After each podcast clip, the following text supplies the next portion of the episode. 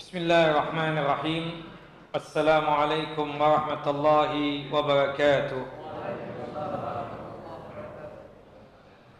إن الحمد لله نحمده ونستعينه ونستغفره ونعوذ بالله من شرور أنفسنا ومن سيئات أعمالنا من يهدل الله فلا مضل له ومن يضلل فلا هادي له أشهد أن لا إله إلا الله وحده لا شريك له.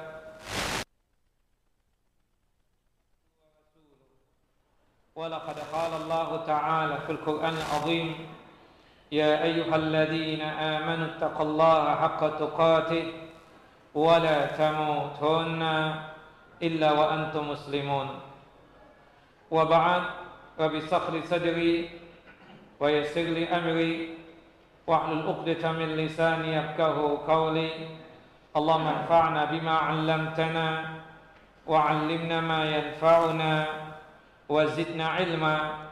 اللهم إنا نعوذ بك من زوال نعمتك وفجأة نقمتك وتحول عافيتك وجميع سخطك.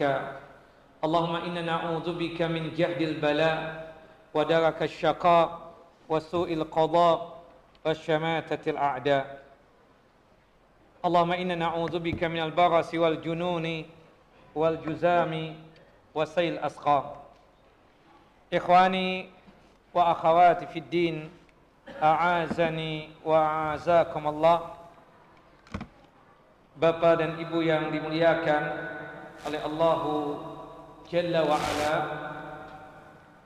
Melanjutkan kajian kita Pembahasan tentang amalan ringan Yang mengantarkan kita ke dalam jannah Dan surganya Allah Jalla Jalalu Yang di mana kita masuk pada pembahasan Amalan ringan yang berkaitan tentang bersalawat kepada Nabi sallallahu alaihi wasallam. Tepatnya amalan ringan yang ke-19. Di dalam bersalawat kepada Nabi sallallahu alaihi wasallam ini adalah amalan yang sangat luar biasa yang di mana nanti insya Allah kita akan menjelaskan tentang fadailuha wa fawaiduha keutamaan-keutamaan dari bersalawat kepada Nabi SAW dan manfaat serta faedah dari bersalawat kepada Nabi sallallahu alaihi wasallam. Allah Jalla Jalalu. Ayat 56 berfirman Inna Allah wa malaikatahu yusalluna ala nabi. Ya ayyuhalladzina amanu Sallu alaihi wa sallimu taslima. Sesungguhnya Allah dan para malaikatnya bersalawat kepada Nabi sallallahu alaihi wasallam Wahai orang-orang yang beriman bersalawatlah kalian bersalawatlah dan mengucapkan salamlah kalian kepada Nabi Muhammad sallallahu alaihi wasallam. Disebutkan di dalam hadis Abu Aliyah yang dikeluarkan oleh Al Imam Al Bukhari dalam kitab Sahih beliau qala berkata Abu Aliyah berkata salatullahi sana'uhu alaihi indal malaikah salawatnya Allah kepada Nabi kita Muhammad sallallahu alaihi wasallam Allahu jalla jalaluhu memuji Nabi kita Muhammad sallallahu alaihi wasallam di hadapan para malaikatnya. Sedangkan salawatnya malaikat itu maksudnya adalah ad-du'a. Jadi ketika malaikat bersalawat maksudnya mendoakan, mendoakan kebaikan untuk Nabi kita Muhammad sallallahu alaihi wasallam. Seperti dalam hadis yang sahih Rasulullah sallallahu alaihi wasallam bersabda, "Innallaha wa malaikatahu yusalluna 'alal mutasahhirin." Sesungguhnya Allah dan para malaikatnya bersalawat kepada orang-orang yang melaksanakan sahur. Sahur ya bersahur itu hukumnya sunnah muakkadah, sunnah yang sangat ditekankan sebelum melaksanakan ibadah siam atau ibadah puasa, baik itu puasa wajib ataupun puasa sunnah. Nah, maksud salawatnya Allah kepada orang-orang yang bersahur di situ maksudnya adalah Allah Jalla Jalalu memberikan berbagai macam kebaikan.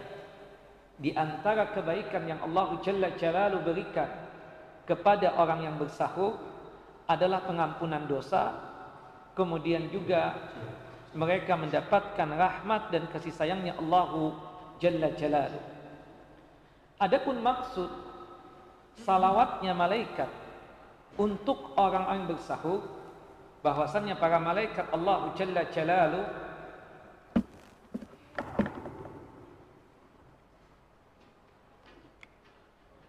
Adapun maksud salawatnya malaikat kepada orang yang bersahur maksudnya adalah para malaikat mendoakan orang-orang bersahur agar Allah Jalla Jalalu mengampuni dosa-dosa orang yang bersahur dan memberikan rahmat kepada orang-orang yang melaksanakan sahur sekaligus dibebaskan dari siksa api neraka.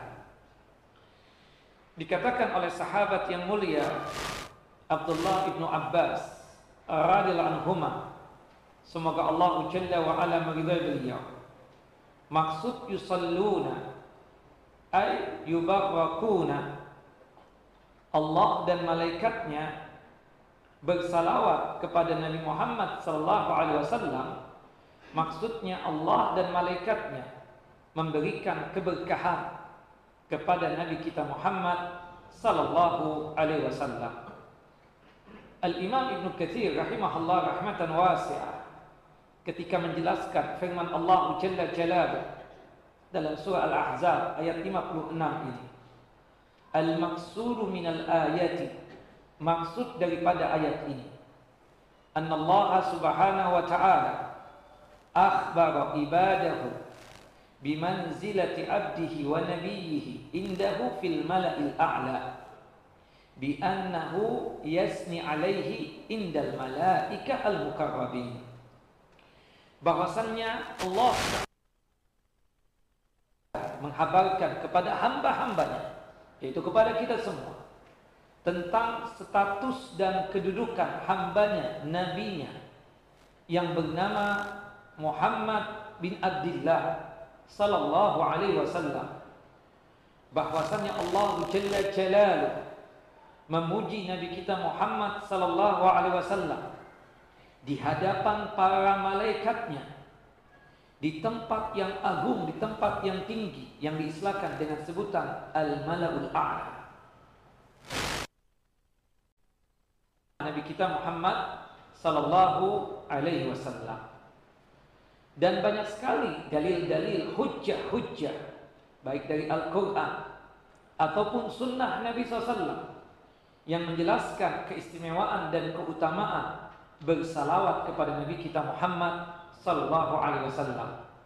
Di antaranya di dalam hadis Anas bin Malik radhiyallahu an semoga Allah jalla wa ala meridai beliau anna an-nabiy sallallahu alaihi wasallam qala bahwasanya Nabi sallallahu alaihi wasallam bersabda Man shalla alayya salatan wahidatan sallallahu alaihi ashra salawatin wa anhu ashra khati'atin barang siapa yang bersalawat kepadaku kepada Nabi kita Muhammad sallallahu alaihi wasallam satu kali salawat saja maka dipastikan Allah Jalla Jalaluh akan bersalawat kepadanya sebanyak sepuluh kali. Jika kita bersalawat kepada Nabi kita Muhammad sallallahu alaihi wasallam satu kali berarti Allah Jalla Jalaluh bersalawat kepada kita berapa kali? Sepuluh kali. Maksud salawatnya Allah Jalla wa ala kepada kita adalah kebaikan-kebaikan yang datang dari Allah Jalla Jalal.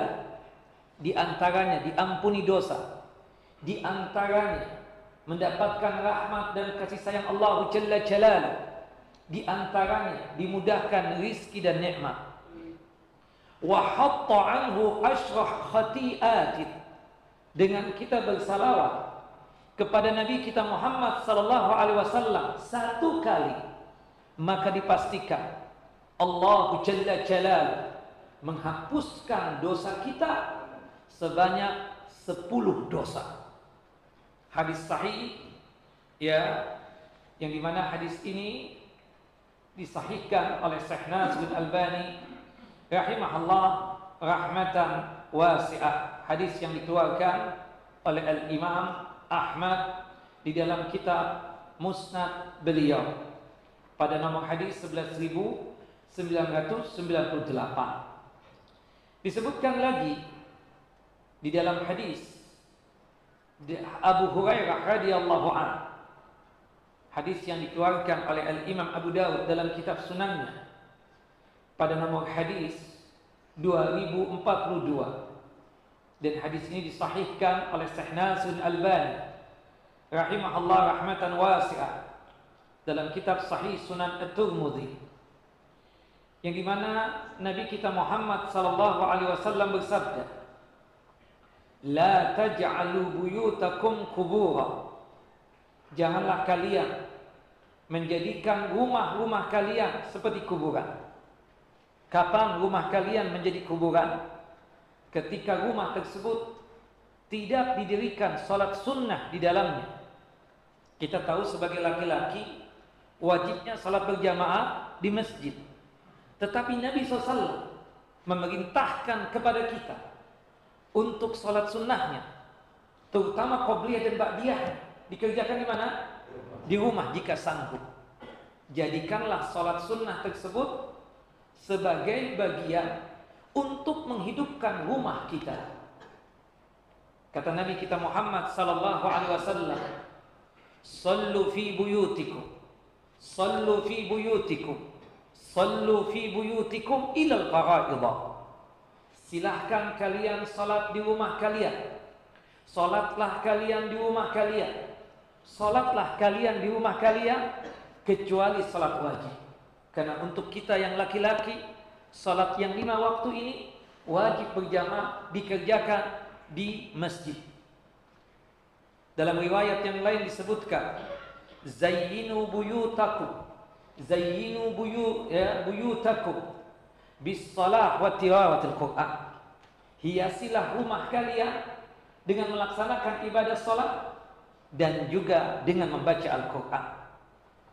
Artinya apa? Jika sekiranya rumah kita tidak didirikan salat sunnah di dalamnya, tidak ada bacaan Al-Quran di dalamnya, tidak ada zikir di dalamnya, berarti sama saja seperti kuburan. Mafhumnya di sini bahwasannya kuburan atau makbarah itu bukanlah tempat untuk melaksanakan ibadah salat, bukan juga tempat untuk melaksanakan pembacaan ayat-ayat suci Al-Quran atau tilawatul Quran. Wala taj'alu qabri idan janganlah menjadikan kuburanku sebagai tempat id artinya dikunjungi terus menerus menjadi kebiasaan diagungkan Nabi SAW tidak mau yang demikian. Ya. Wa sallu alayya fa inna salatakum tablughuni haitsu kuntum cukup kalian bersalawat kepadaku. Sesungguhnya salawatnya kalian tersebut di mana pun kalian berada akan sampai kepadaku. Nah, jadi di mana pun kita berada, maka insya Allah, biiznillah, salawat kita tersebut sampai kepada Nabi kita Muhammad Sallallahu Alaihi Wasallam. Nah, nah ini beberapa keterangan yang dijelaskan berkaitan dengan keistimewaan dan keutamaan dari yang namanya bersalawat kepada Nabi kita Muhammad sallallahu alaihi wasallam. Nah, ada tempat-tempat yang di mana kita tersebut sangat dianjurkan untuk bersalawat kepada Nabi kita Muhammad sallallahu alaihi wasallam. Kalau kita melihat salawat yang diajarkan oleh Nabi kita Muhammad sallallahu alaihi wasallam itu ada sekitar delapan salawat Nabi.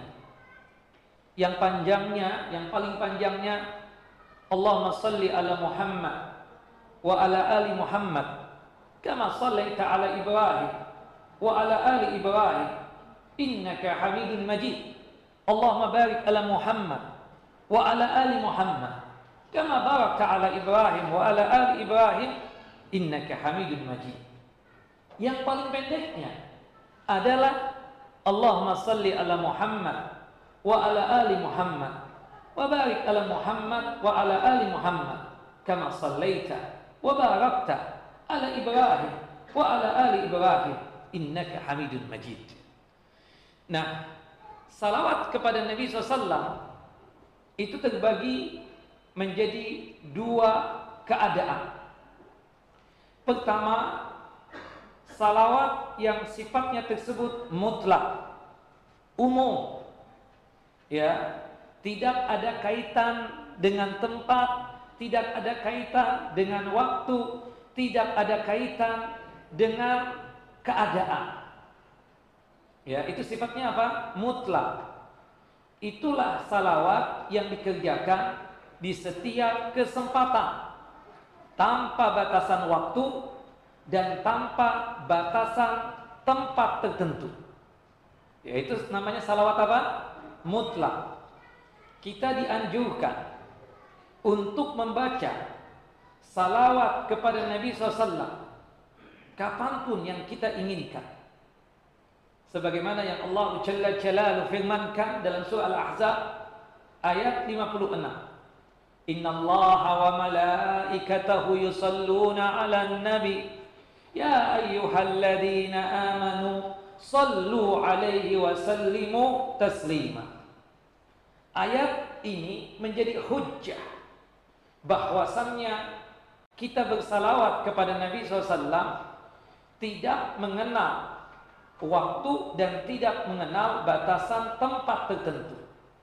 Itulah yang disebut dengan salawat mutlak. Salawat yang dikerjakan di setiap kesempatan tanpa batasan waktu dan tanpa batasan tempat tertentu.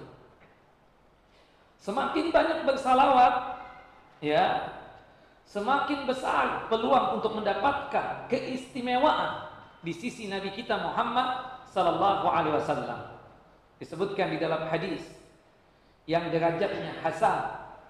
Hadis yang dikeluarkan oleh al-Imam At-Tirmidzi rahimahullah rahmatan wasi'ah. Awlan nasi bi yaumal qiyamati aktsaruhum alayya salata. Orang yang paling utama ya denganku atau orang yang paling dekat denganku pada hari kiamat atau orang yang paling utama untukku pada hari kiamat kelak adalah orang yang paling banyak bersalawat kepada Nabi Sallallahu Alaihi Wasallam. Maka oleh sebab itu Bapak dan Ibu yang dimuliakan oleh Allah Jalla Jalalu Kapan pun boleh kita bersalawat kepada Nabi SAW Apalagi ucapan atau kata tentang Nabi itu sering disebutkan. Setiap telinga kita ini mendengar nama Nabi Muhammad SAW, kita dianjurkan untuk apa? Bersalawat kepada Nabi Sallallahu. Sallallahu Alaihi Wasallam. Nah, tapi bukan berarti kalau dikatakan salawat itu keadaannya mutlak atau sifatnya umum, tidak terbatas dengan waktu dan tidak terbatas dengan tempat, maka semuanya pun disalawati. Ya, beli rumah atau baru membangun rumah, disalawatin rumahnya. Beli mobil, disalawatin mobilnya. Ya, baru kawin, disalawatin istrinya. Ini nggak benar sudah, ya kan seperti itu. Jadi kita bersalawat kepada Nabi SAW sifatnya umum, tidak terbatas dengan tempat, tidak terbatas dengan keadaan, tidak terbatas dengan sesuatu apa pun termasuk yang sering diungkapkan oleh sebagian orang itu ya Artinya setiap kita mendapatkan nikmat bersalawat kepada Nabi ini salah. Seharusnya setiap kali kita mendapatkan nikmat itu bersyukur dengan mengucapkan tahmid untuk Allah Jalla Jalalu seperti itu. Nah, ada salawat yang kedua. Salawat yang sifatnya tersebut muqayyad. Muqayyad itu artinya salawat itu dianggap khusus. Kita membaca di tempat yang khusus atau di waktu yang khusus. Ya. Salawat yang dikerjakan pada kesempatan yang khusus baik dikerjakan pada waktu tertentu atau keadaan tertentu atau ketika melakukan amalan tertentu ya atau berkaitan dengan waktu tertentu ya ada salawat yang kita kerjakan pada kesempatan khusus baik dikerjakan di waktu yang khusus waktu yang tertentu atau keadaan yang khusus atau berkaitan dengan ya kita melakukan amalan tertentu yang di situ dirangkai dengan bersalawat kepada Nabi Sallallahu Alaihi Wasallam. Nah kalau kita melihat salawat yang sifatnya muqayyad ini ya itu terbagi menjadi 15 keadaan. Salawat muqayyad ini ada berapa? 15 keadaan. Artinya sekali lagi mutlak itu sifatnya umum. Ya, kapan pun ada kesempatan untuk bersalawat, bersalawat. Tidak terbatas dengan waktu dan tidak terbatas oleh waktu tertentu atau tempat tertentu. Tapi kalau muqayyad itu kita melakukan ya terbatas oleh waktu dan terbatas oleh tempat bahkan keadaan atau satu amalan tertentu yang ada kaitannya dengan bersalawat kepada Nabi SAW.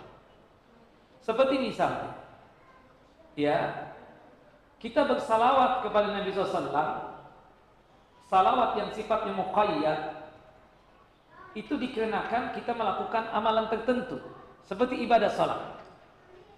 Di dalam ibadah salat bersalawat kita kepada Nabi SAW? Bersalawat. Kapan? Ketika melakukan apa? tahiyat atau tasyahud. Ya. Ketika kita melakukan tasyahud, kita setelah itu melakukan salawat Nabi. Para ulama sepakat untuk tasyahud yang terakhir membaca salawat nabinya hukumnya wajib. Karena itu bagian daripada rukun sholat. Ya, jika kita di tasyahud yang terakhir tidak membaca salawat Nabi, maka dipastikan salat kita tidak sah. Adapun tasyahud yang pertama, ya, pendapat yang wajib untuk salawat Nabi di tasyahud yang pertama hukumnya sebatas sunnah. Artinya di salat maghrib yang kita kerjakan tadi, kita tahu ada dua kali tasyahud. Tasyahud yang pertama di rakaat yang kedua, tasyahud yang kedua itu di rakaat yang ketiga. Tasyahud yang pertama wajibnya tasyahud. Untuk salawat nabinya hukumnya sunnah. Tapi tasyahud yang kedua di rakaat yang ketiga dari salat maghrib itu itu hukumnya wajib. Jika antum tidak membaca salawat nabi di tasyahud yang terakhir atau di tasyahud yang kedua dari salat maghrib ini maka dipastikan salat antum tidak sah dikarenakan bersalawat kepada Nabi SAW di tasahud yang terakhir itu hukumnya wajib dikenakan bagian daripada rukun salat. Nah, sebagaimana yang saya katakan tadi, untuk bersalawat kepada Nabi, salawat yang diajarkan oleh Nabi tadi ada berapa? Ada delapan. Yang paling panjang, Allahumma salli ala Muhammad wa ala ali Muhammad kama sallaita ala Ibrahim wa ala ali Ibrahim innaka Hamidun Majid. Allahumma barik ala Muhammad wa ala ali Muhammad kama barakta ala Ibrahim wa ala ali Ibrahim innaka Hamidun Majid. Itu amalan yang khusus bersalawat yang sifatnya muqayyad yang pertama yaitu ketika salat wabil khususnya ketika tasyahud kemudian yang kedua amalan bersalawat kepada nabi yang sifatnya salawat muqayyad ini ketika sudah selesai dilantunkannya ada, Ya, La ilaha illallah.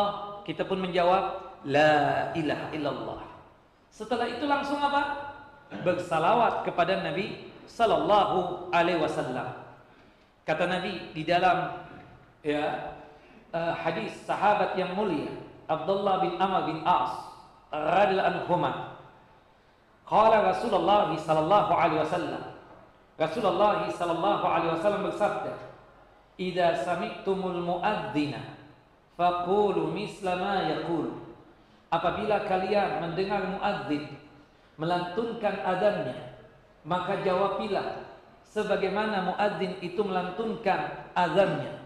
Kecuali hayy alatain kecuali alas salat kecuali hayy alal falah ketika kita mendengar muadzin melantunkan azannya alas salat kita jawab apa? La haula wala quwata illa billah. Hayy alal falah kita menjawab apa? La haula wala kecuali hayy alatain kalau di subuh as-salatu khairu minan naum, kita menjawab apa? As-salatu khairu minan naum. Nah, nah setelah selesai azan, la ilaha illallah, kita jawab la ilaha illallah. Setelah selesai azan, summa sallu alayya.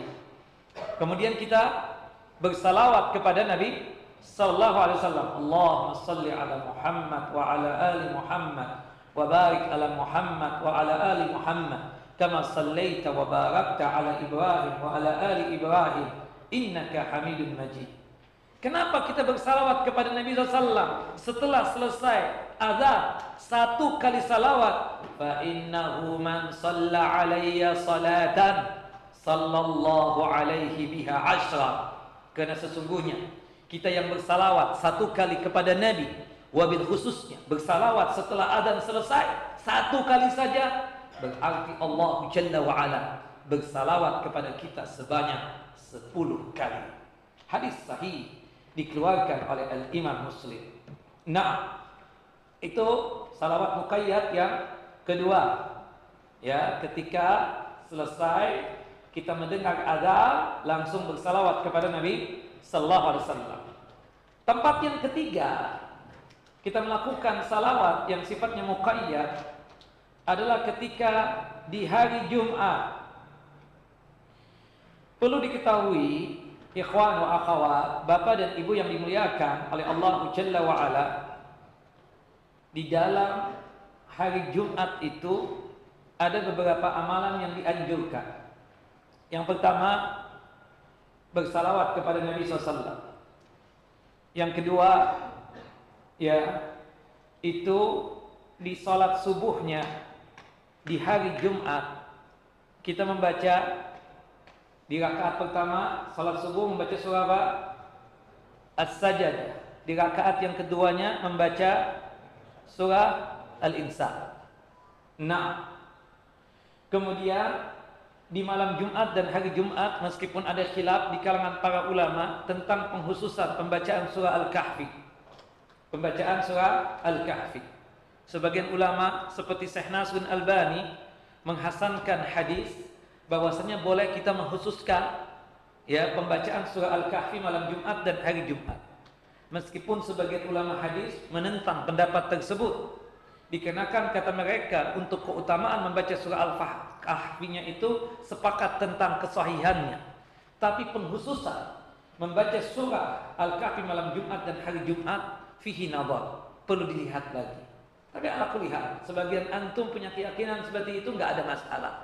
Karena memang ada ulama yang mengatakan bahwasannya derajat hadis penghususan pembacaan surah Al-Kahfi malam Jumat dan hari Jumat itu memang ada sebagian dari ulama hadis seperti Syekh Nasruddin Albani rahimahullah rahmatan wasi'ah menghasankan itu hadis. Anggaplah ya di hari Jumat dan malam Jumat membaca apa? Surah Al-Kahfi.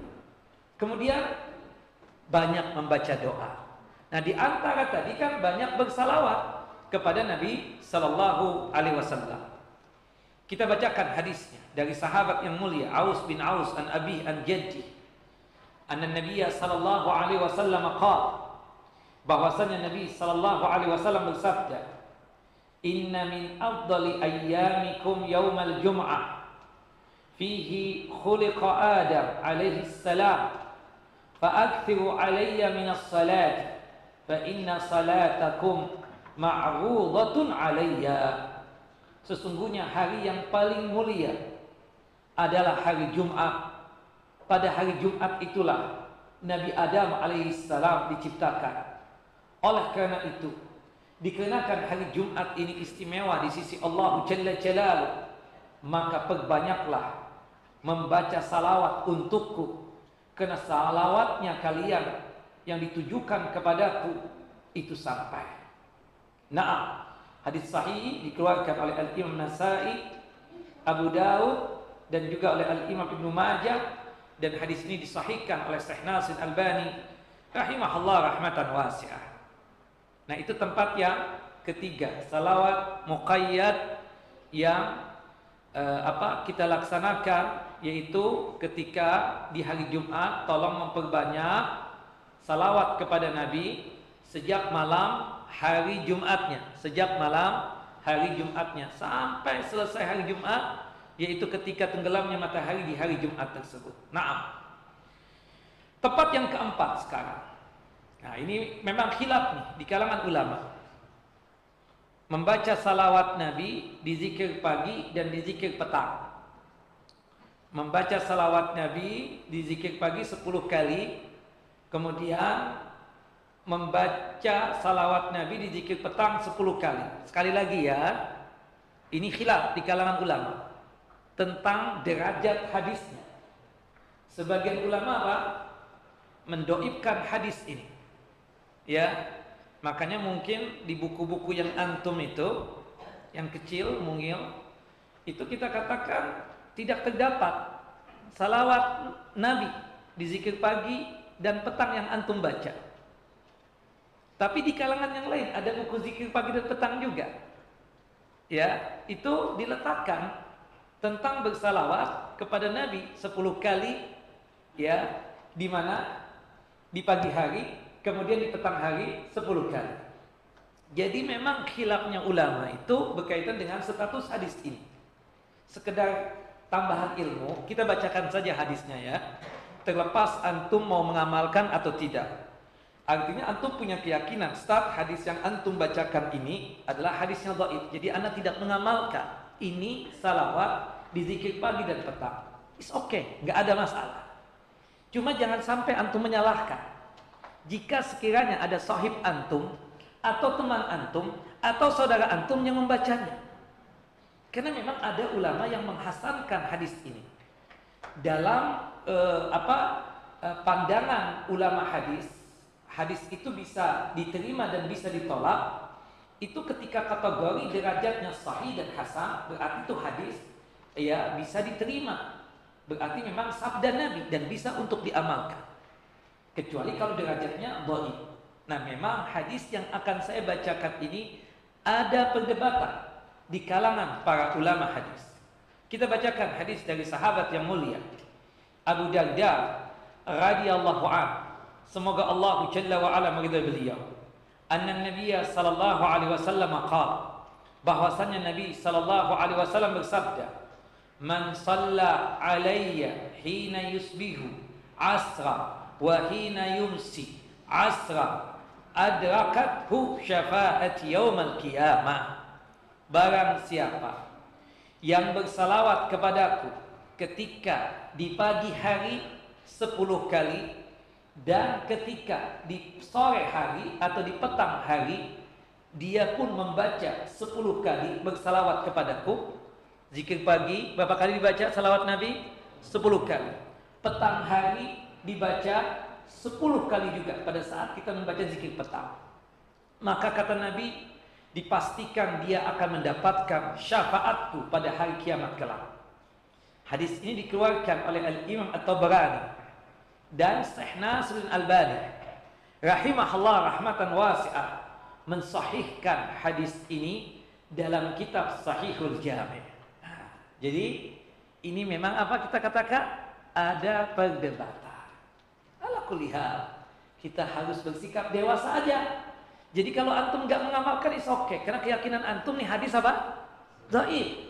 Ya karena antum sudah terbiasa membaca yang tidak ada salawatnya berkaitan dengan zikir pagi dan petang. Tapi tolong, tolong ya, jika ada teman antum, sahib antum, saudara antum membaca salawat Nabi di zikir pagi 10 kali, di zikir petang 10 kali, jangan langsung menjas menyalahkan. Karena memang ada ulama yang mensahihkan hadis ini. Di antaranya siapa? Syekh Muhammad Nasiruddin Al-Albani rahimahullah rahmatan wasi'ah dalam kitab Sahih Al-Jami. Allahu a'lam. Tayyib. Kemudian selanjutnya ikhwan wa akhawati fi din a'azani wa azakumullah. Tempat khusus bersalawat kepada Nabi. Yang keberapa? Yang kelima. Ya.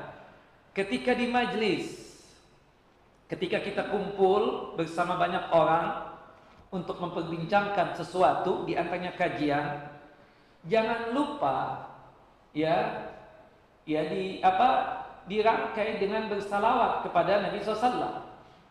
Disebutkan dalam hadis Abu Hurairah radhiyallahu an, anna Nabi sallallahu alaihi wasallam qala bahwasanya Nabi SAW bersabda, "Ma jalasa qaumun majlisan lam yadhkurullaha fihi wa lam ya yusallu alaihi ala nabiyihim Nah, jika ada satu kelompok kaum yang duduk bersama-sama di antaranya kajian yang di mana kaum tersebut pada saat duduk-duduk ya bersama mereka atau di kalangan mereka di perkumpulan mereka tadi di kajian mereka tadi di tempat perbincangan mereka tadi mereka tidak mengingat Allah Jalla wa'ala tidak berzikir kepada Allah Jalla wa'ala Kemudian juga tidak bersalawat kepada Nabi sallallahu alaihi wasallam. Illa kana alaihim tirah fa in syaa'a 'adzabahum wa in syaa'a ghafara lahum. Maka itu majlis ya akan menjadi bahan penyesalan baginya. Jika Allah Jalla wa ala berkehendak Allah akan menghukum mereka tapi jika Allah Jalla wa ala berkehendak, bisa saja Allah Jalla wa ala mengampuni dosa-dosa mereka. Jadi usahakan siapa pun kita ini, kita akan menyebutkan ayat berarti sama secara tidak langsung kita berzikir kepada Allah Jalla wa ala mengingat Allah. Kita menyebutkan hadis Nabi SAW. Kemudian ketika disebutkan nama Nabi, maka secara otomatis kita apa? Bersalawat kepada beliau sallallahu alaihi wasallam. Karena Rasulullah mengatakan, "Ma jalasa qaumun majlisan lam yadhkurallaha fihi wa lam yusallu ala nabiyyihim illa kana alaihim tiratan fa in syaa'a 'adzabahum wa in syaa'a ghafara lahum." Nah, Hadis sahih dikeluarkan oleh Imam Ahmad dan juga oleh Al-Imam At-Tirmidzi ketika menyebutkan atau disebutkan nama Nabi Muhammad sallallahu alaihi wasallam atau mendengar nama Nabi atau gelarnya beliau SAW ketika itulah dianjurkan kita semua untuk apa? Bersalawat kepada Nabi SAW. Ya, tapi tentu sesuai dengan kemampuan kita jangan kencang-kencang banget kan? Ya, sallu ala nabi ya kan seperti itu kan? Oke okay lah, kita pahamlah sudah kalau disebutkan nama Nabi Muhammad SAW Sallallahu alaihi wasallam langsung seperti itu sallallahu alaihi wasallam seperti itu. Meskipun ada sebagian ustaz kadang mengingatkan ya ketika lagi asyik ceramah kemudian dia mengatakan apa? Sallu ala nabi. Ya kan seperti itu. It's okay, enggak ada masalah. Cuma kita harus ngerti ketika disebutkan nama Nabi Muhammad SAW langsung ketika itu kita bersalawat kepada beliau SAW. Jadi ketika disebutkan nama Nabi Muhammad atau ketika kita menyebutkan nama Nabi Muhammad atau ketika kita mendengar nama beliau atau ketika disebutkan gelar Nabi Muhammad sallallahu alaihi wasallam kita dianjurkan langsung bersalawat kepada Nabi sallallahu alaihi wasallam. Dalam satu hadis yang sahih diceritakan Nabi itu kan punya mimbar. Kebetulan anak tangganya itu berjumlah berapa? ada tiga. Ketika Rasulullah SAW naik ke mimbar beliau, ketika menginjakkan kaki beliau di anak tangga yang pertama beliau mengucapkan amin. Naik lagi di anak tangga yang kedua Rasulullah SAW mengucapkan apa? Amin. Naik lagi di anak tangga yang ketiga Rasulullah mengucapkan amin. Para sahabat keheranan. Kok Nabi kita Muhammad SAW mengucapkan amin sebanyak tiga kali? Kemudian para sahabat bertanya kepada Rasulullah, Ya Rasulullah, Ya Nabi Allah, alangan amanta. Apa yang antum aminkan ini? Rasulullah menghabarkan, tadi Jibril datang kepadaku. Pas aku naik ke atas mimbar itu. Dan Jibril berdoa tiga permohonan kepada Allah Jalla wa'ala. Dan Jibril memintaku untuk mengaminkannya. Dan aku secara tulus ikhlas dan sukarela mengaminkan doanya Jibril tersebut.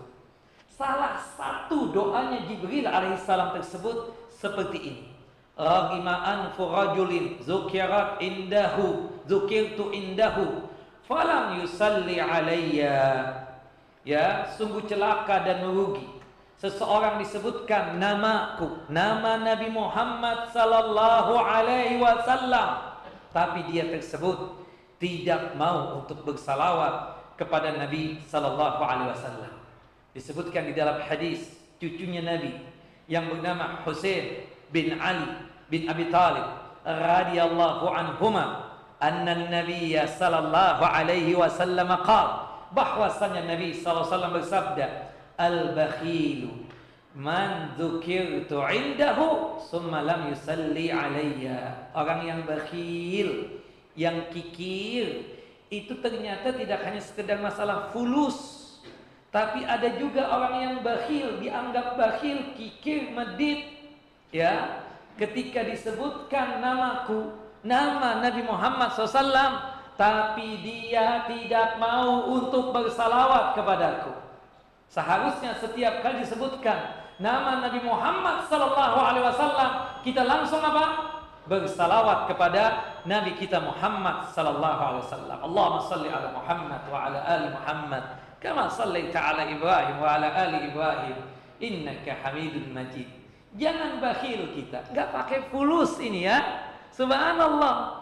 Ya, cukup kita bersalawat kepada beliau ketika disebutkan nama beliau di hadapan kita. Kita mendengar namanya Nabi Muhammad disebutkan, langsung kita bersalawat kepada beliau sallallahu alaihi wasallam. Wallahu a'lam. Sedikit lagi kita lanjutkan setelah adzan Isya saya setelah itu ya ada beberapa poin penting yang akan kita sampaikan. Monggo silakan adzan dulu.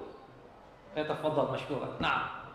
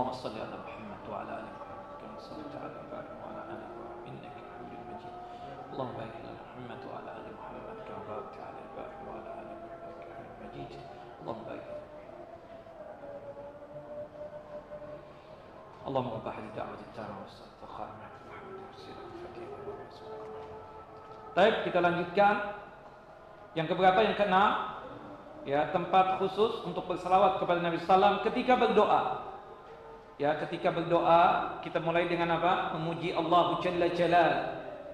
Menta'zim Allah, mengagungkan Allah Jalla wa ala.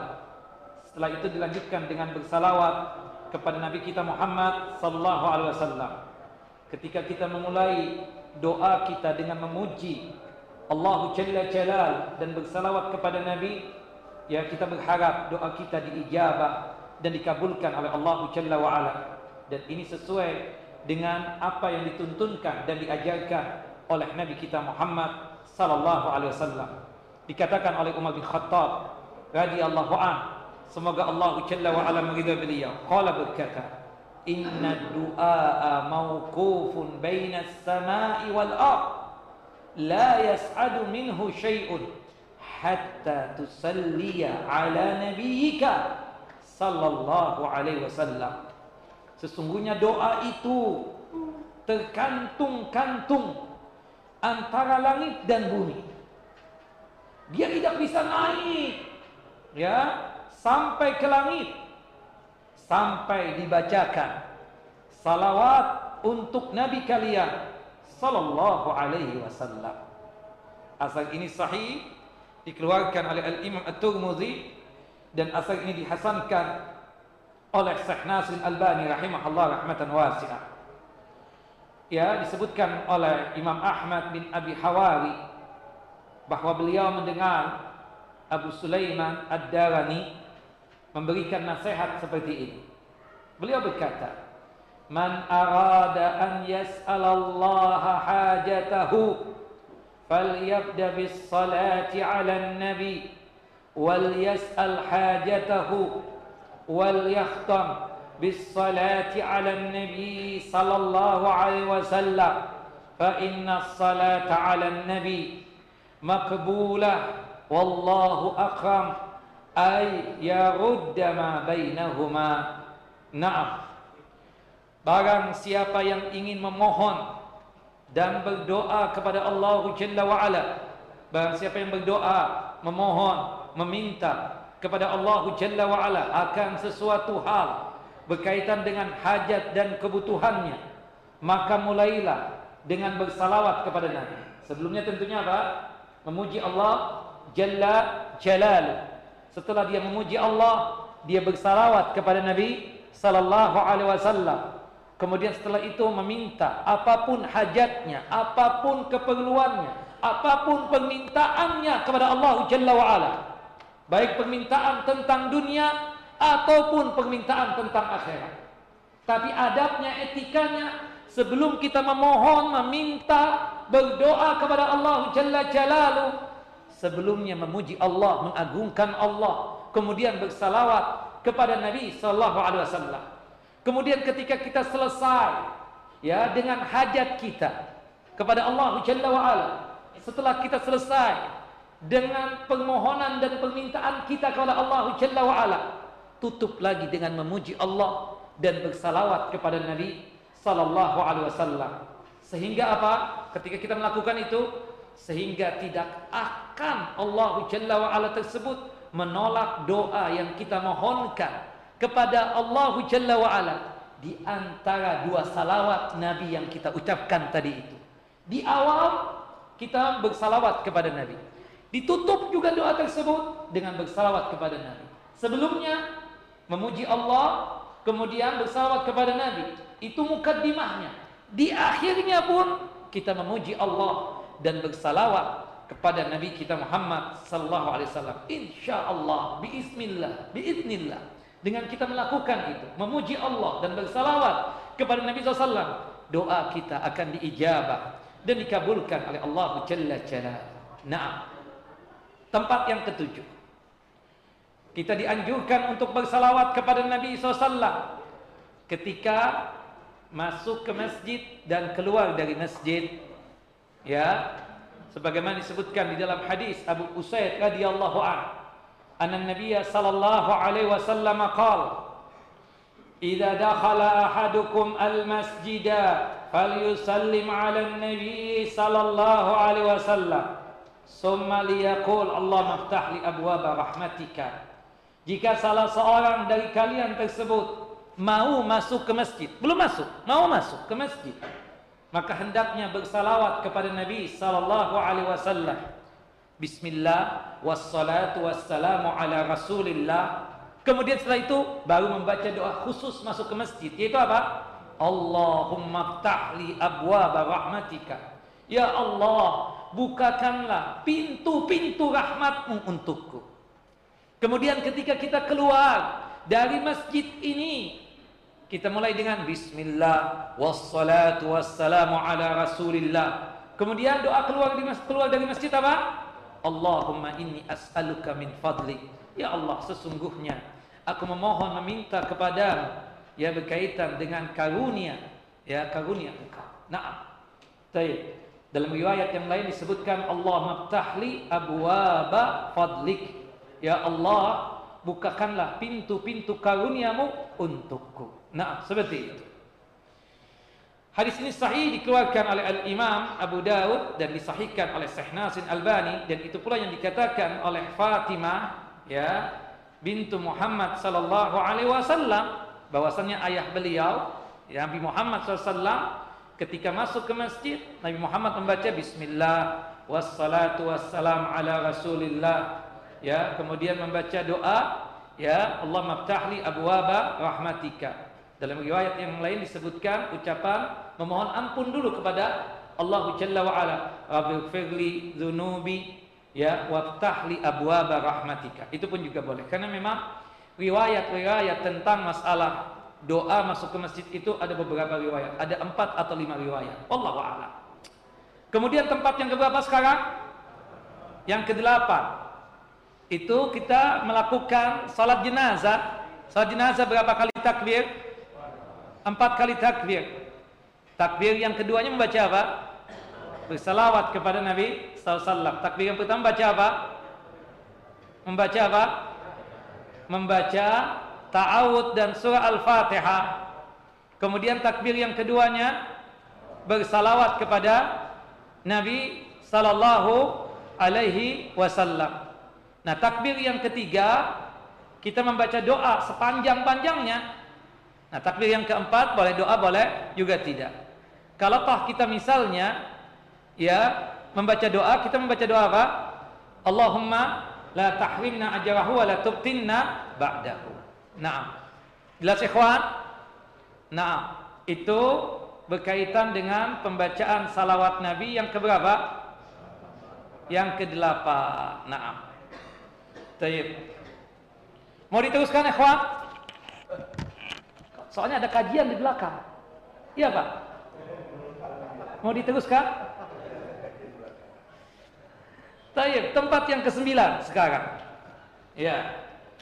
Yang kesembilan ya, ketika kita melewati kubur Nabi kita Muhammad sallallahu alaihi wasallam. Kita ke Madinah, di situ ada makam atau kuburan Nabi sallallahu alaihi wasallam. Dianjurkan kita tersebut ketika melewati kuburan Nabi Muhammad SAW untuk bersalawat kepada Nabi kita Muhammad SAW. Sebagaimana dikatakan oleh Abdullah bin Dinar. Ya, disebutkan ini perbuatan dari sahabat yang mulia. Abdullah bin Umar bin Khattab ada anhuma.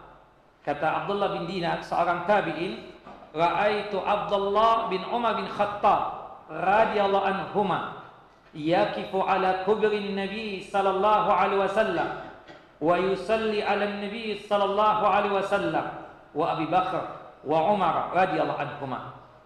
Aku kata Abdullah bin Dinar melihat Abdullah bin Umar bin Khattab, putra daripada Umar bin Khattab, khalifah yang kedua Umar bin Khattab, punya anak namanya Abdullah. Ini perawi hadis yang paling banyak meriwayatkan hadis Nabi SAW. Bahkan urutan yang kedua setelah sahabat yang mulia Abu Hurairah radhiyallahu anhu. Nah, Abdullah bin Umar bin Khattab itu berdiri ya di dekat kuburan Nabi SAW. Ya, kemudian beliau itu langsung bersalawat kepada Nabi sallallahu alaihi wasallam. Kemudian setelah itu mendoakan Abu Bakar As-Siddiq dan mendoakan ayah beliau yang bernama Umar bin Khattab radhiyallahu anhuma. Nah, asal ini sahih dikeluarkan oleh Al-Imam Malik dalam kitab Al-Muwatta dan juga oleh Al-Imam Al-Baihaqi dalam kitab As-Sunan Al-Kubra. Naam. Itu yang keberapa ikhwan? Kesembilan, serang yang kesepuluh. Ketika setelah selesai membaca doa kunut, Ya Allah mahdini fi man hadait wa afini fi man afait wa tawallani fi man tawallait wa barik li fi ma a'tait qadait innaka taqdi wa la yuqda alayk innahu la yadhillu man walait wa la ya'izzu man adait tabarakta rabbana wa ta'alait Nah, di penghujung nanti kunut tersebut kita dianjurkan untuk apa? Bersalawat kepada Nabi SAW. Nah, tempat yang sepakat ulama untuk melakukan kunut di dua tempat. Pertama kunut nawazil, kunut nazilah. Yang kedua adalah kunut di witir. Nanti di Ramadan ya usahakan ketika witir itu berkunut sebagaimana disebutkan di dalam hadis Hasan bin Ali bin Abi Thalib radhiyallahu anhuma. Nah, di situ kan kita membaca doa. Kata Syekh Nasir Albani, boleh ditambah doanya permohonan kebaikan tentang dunia dan juga tentang akhirat. Sekaligus juga mendoakan orang tua kita, mendoakan istri dan anak kita, termasuk mendoakan pemimpin-pemimpin kita dan mendoakan kaum muslimin. Nah, di ujungnya itu kita tutup dengan bersalawat kepada Nabi sallallahu alaihi wasallam. Hal itu dilakukan ya uh, oleh seorang sahabat Nabi ya dan disebutkan juga ini banyak dilakukan oleh para ulama salafun salih di antaranya Abu Hulaimah dan juga ya disebutkan Abu Hulaimah atau Muaz bin Haris dikatakan oleh dia oleh sahabat Muaz bin Haris ya. Bahwasannya Muaz bin Haris ini karena yusalli ala Nabi sallallahu fil qunut. Di akhirnya beliau ketika membaca kunut beliau bersalawat kepada Nabi sallallahu alaihi wasallam. Nah Kemudian yang ke-11 ya, ketika salat Id untuk melakukan takbiran. Allahu akbar, Allahu akbar, Allahu akbar. La ilaha illallah, Allahu akbar. Allahu akbar walillahil hamd. Kemudian ada kadang menambah ya kan? wa sallallahu ala nabiyyina Muhammad wa ala ali Muhammad dan seterusnya. Nah, itu tidak mengapa. Itu dilakukan oleh para salafun as-salih. Dikatakan oleh Al-Qama, beliau mengatakan Abdullah ibnu Mas'ud, Abu Musa, Hudzaifah. Ini sahabat-sahabat Nabi. Itu kalau mereka melakukan takbiran waktu Id, baik Idul Fitri ataupun Idul Adha, mereka mengucapkan takbiran itu kemudian ditutup dengan bersalawat kepada Nabi sallallahu alaihi wasallam. Tempat yang keberapa? Kedua belas sekarang. Ya. Ketika meninggalkan majlis, ya. Ketika kita sudah selesai berbincang apa semua ya pada saat kita meninggalkan majlis, kita menutup kajian. Coba antum perhatikan para ulama syekh itu kalau dia menutup kajian itu dengan apa? bersalawat kepada Nabi sallallahu alaihi Muhammad wa ala ali Muhammad. Nah, kemudian masing-masing kita membaca apa? Doa kafaratul majlis. Subhanakallahumma bihamdika asyhadu an la ilaha illa anta astaghfiruka wa atubu ilaik. Nah, ini ternyata perbuatan yang diucapkan oleh Utsman bin Umar. Beliau mengatakan bahwasannya sami'tu Sufyan bin Sa'id ya. Bahwasannya aku mendengar Sufyan bin Sa'id itu ma la ahsi idza arada al-qiyam yaqulu sallallahu wa sallallahu wa malaikatuhu ala Muhammadi wa ala anbiya'illahi wa malaikatihi. Aku mendengar Sufyan bin Said itu berkali-kali ketika dia asik menyampaikan ya kajiannya atau berbicara berbincang dengan kita sampai aku tuh tidak bisa terhitung apa tidak bisa menghitung lagi saking banyaknya beliau bersalawat kepada Nabi. Setiap beliau hendak meninggalkan majlis, beliau itu selalu membaca semoga salawatnya Allah, salawatnya para malaikat tercurah untuk Nabi Muhammad SAW dan kepada nabi-nabi Allah Jalla wa'ala yang lain dan juga kepada malaikat-malaikatnya Allah Jalla wa'ala. Nah ini 12 tempat ya kita katakan berkaitan tentang bersalawat kepada Nabi SAW. Berhubung sudah datang waktu iqamatus salat, kita tutup kajian kita sampai di sini dulu. Wassallallahu nabiyana Muhammad wa ala ali Muhammad kama sallaita ala Ibrahim wa ala ali Ibrahim innaka Hamidun Majid. Allahumma barik ala Muhammad wa ala ali Muhammad kama barakta ala Ibrahim wa ala ali Ibrahim innaka Hamidun Majid. Subhanakallahumma wa bihamdika asyhadu an la ilaha illa anta astaghfiruka wa atubu ilaik. Assalamualaikum warahmatullahi wabarakatuh. Waalaikumsalam warahmatullahi wabarakatuh. Syukran jazakumullah khairan wa barakallahu fikum Ustaz. Hadirin jamaah kajian